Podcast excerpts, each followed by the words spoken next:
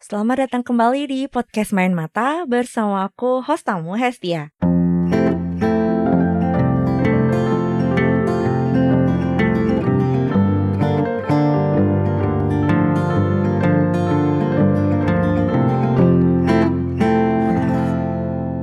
Bab ini bagian keempat dan bagian terakhir obrolan dengan penulis Andina Dwi Fatma.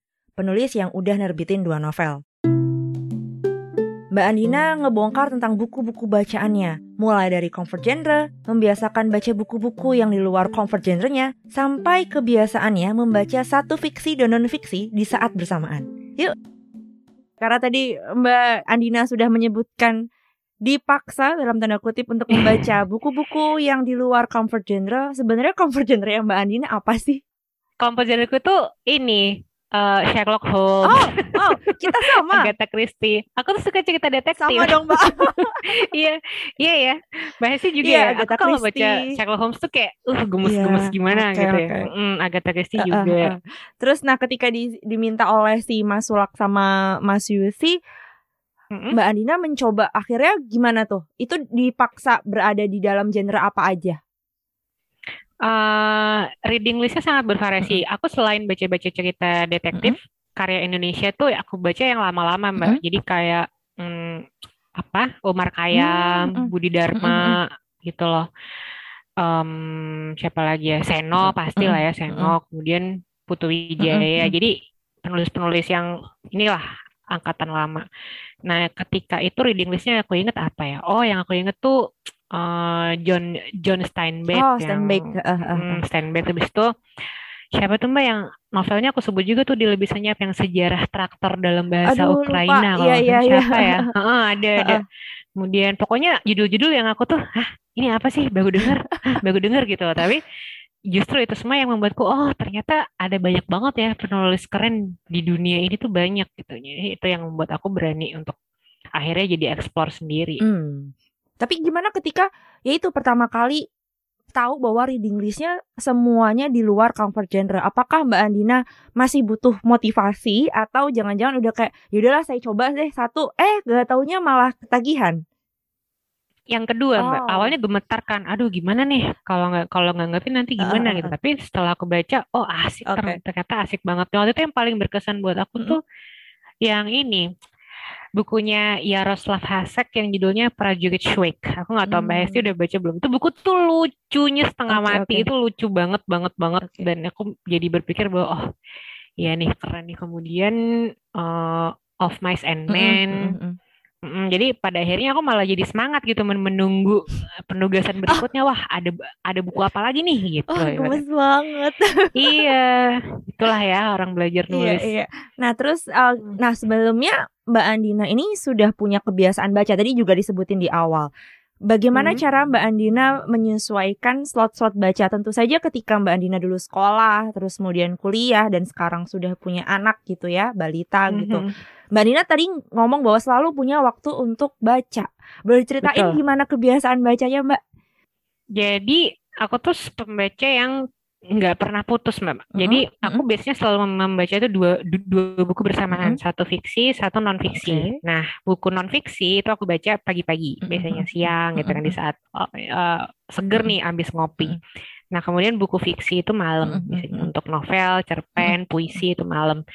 Eh, dan setiap kali satu buku habis kubaca, aku akan selalu nyambung dengan buku berikutnya. Ini kebiasaan kebiasaan dari dari dulu eh, yang selalu eh, aku jalankan. Tentu saja waktu waktu jadwal masih lebih free Mhm. gitu ya ketika apa masih sekolah, apalagi kuliah ya. Kuliah tahu sendiri teman-teman ya. Kadang kita tidurnya baru pagi Iya. gitu. Jadi oh, jadi aku aku selalu punya buku untuk dibaca dan selalu dua itu berjalan berjalan bersama-sama non fiksi dan dan fiksi. Dan kebiasaan itu masih lanjut sampai sekarang. Wow, cool. Siapa sih Mbak yang menjadi role model Mbak Andina ketika membaca? Apakah mm, apa kebiasaan itu muncul karena mungkin di keluarganya Mbak Andina seperti itu Hmm. atau terinspirasi dari sosok tertentu? Ibuku baca, cuman beliau dokter anak ya, jadi Hmm. bukunya tuh kata-kata ya buku kedokteran Hmm, gitu. Jadi aku ter- tapi aku terbiasa melihat beliau membaca. Mama tuh selalu membaca gitu, Hmm, membaca koran atau membaca membaca buku-buku untuk bantu karir apa karir kedokterannya gitu. Ayah juga walaupun yang dibaca lebih ke majalah, koran pagi gitu, tapi aku terbiasa melihat kedua orang tuaku membaca. Dan uh, hebatnya orang tuaku adalah mereka tuh selalu budgeting tiap bulan tuh untuk anaknya beli buku. Oh. Jadi aku uh, jadi aku udah terbiasa gitu, oh. gitu Mbak tiap tiap bulan uh. ke Gramedia uh, gitu ya, ke Gramedia atau dulu ada toko di Semarang namanya toko buku Merbabu mm, gitu. Mm. Di antara dua toko buku itu tuh mm. dapat jatah gitu. Bulan ini dapat jatah beli satu buku gitu misalnya atau buku ke uh, bulan depan ini ada uang lebih nih berarti dua bukunya gitu. Jadi orang tua aku membangun kebiasaan itu. Jadi aku sudah sangat terbiasa sejak aku kecil banget mulai bisa baca sampai tua gitu. Beli beli buku itu sesuatu yang uh, kebiasaan lah. Oh, cool. Nah itu Nah itu tahun 93 tuh mbak. Perkenalanku dengan sastra Indonesia aku umur 7 tahun. Aku baca bukunya Seno Gumira Aji Dharma yang penembak misterius. Ya sebelumnya sebetulnya mungkin belum layak dibaca juga untuk anak 7 tahun ya. Buku-buku yang Mas Seno tuh nggak untuk anak 7 tahun mbak.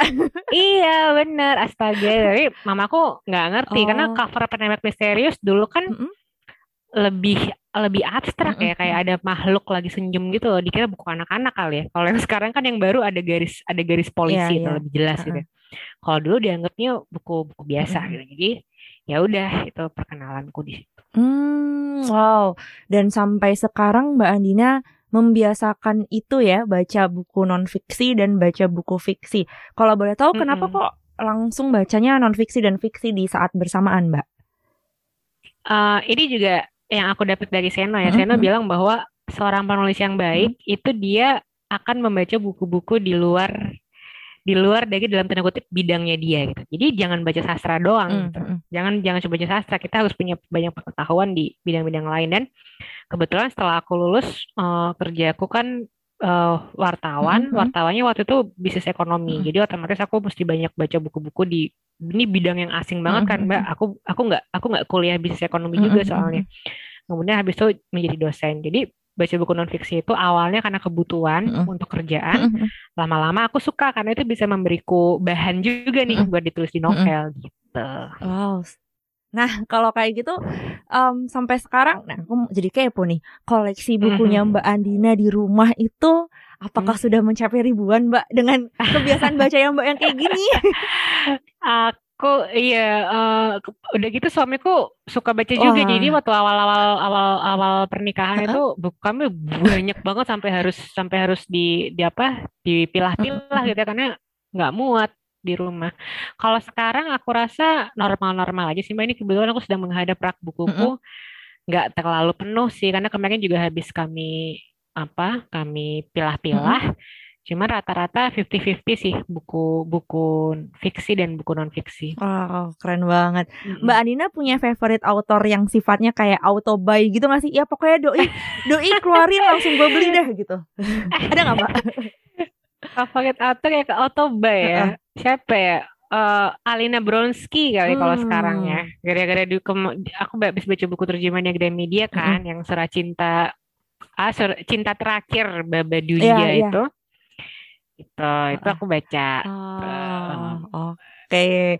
kalau yang dalam-dalam juga aku selalu beli teman-teman aku uh, teman-teman penulisku sih mbak. karena mereka tuh menurut keren-keren banget. Kayak misalnya Ulan. Ulan uh, siapa nama lengkapnya? Asri, Asri Wulandari. Ya? Asri, uh, uh, Asri Wulandari yeah. itu aku suka banget tuh terjemahan yeah. dia untuk Kawakami Miko uh, tuh keren banget. Ulan nulis pasti aku beli. Uh, uh, Kemudian uh, Ruhaini Intan uh, nulis pasti aku beli. Uh, terus Raisa, Raisa Kamila, mm -hmm. terus terjemahan-terjemahannya Mas Roni Agustinus yeah. juga pasti aku beli gitu banyak deh. Oke, okay. wah asik banget ngobrol sama Mbak Andina. Aku jadi kayak yeah. dapat dapat banyak insight nih dan ternyata Mbak Andina uh, ya juga suka baca dan bacanya sangat broad ya. Tadi dibilang uh, tidak hanya di satu bidang tapi kayak mm -hmm. jadi kalau misalkan uh, ada namanya omnivora, mungkin Mbak Andin ini omnivora ya. pembaca iya, iya, segala iya, bukan pemakan, Mbak, pembaca segala macam buku gitu. iya, iya, iya. Bahkan salah satu buku yang paling berkesan aku baca di 2017 eh, itu sampai sana aku masih inget tuh Mbak uh, lim, 50 ways the world would end. Oh. Jadi membahas 50 skenario kiamat itu abis ini apa ya? Oh. Gitu.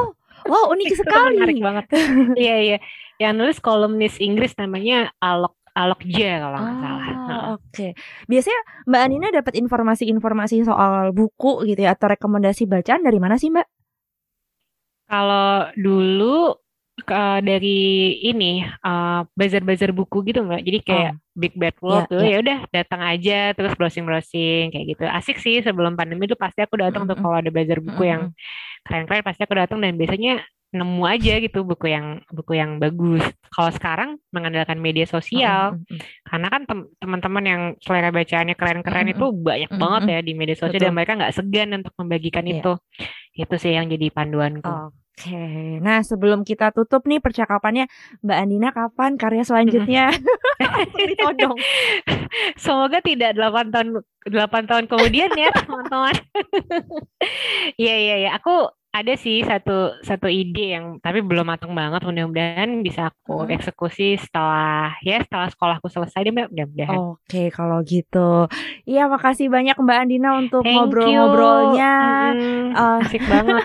Iya nih, nanti semoga kita seketika sudah aman gitu ya situasinya untuk bertemu, kita bisa ketemuan secara fisik ya Mbak ya, Ah. nggak via Ayo, virtual kayak gini ya. ayo banget, ayo banget. Oke deh, terima kasih Mbak. Thank you. Terima kasih udah dengerin ini obrolan keempat alias obrolan terakhir dengan Mbak Andina. Jangan lupa dengerin tiga bab sebelumnya. Ada yang ngebahas tentang buku lebih senyap dari bisikan, ada tentang semusim dan semusim lagi, dan juga tentang proses Mbak Andina dalam berkarya. Follow podcast Main Mata di Spotify dan tekan tombol lonceng notifikasi biar nggak ketinggalan bab terbaru. Yang mau dapat racun buku bisa follow aku di Twitter at HZBOY atau di Instagram at HZBOY1906. Sampai jumpa!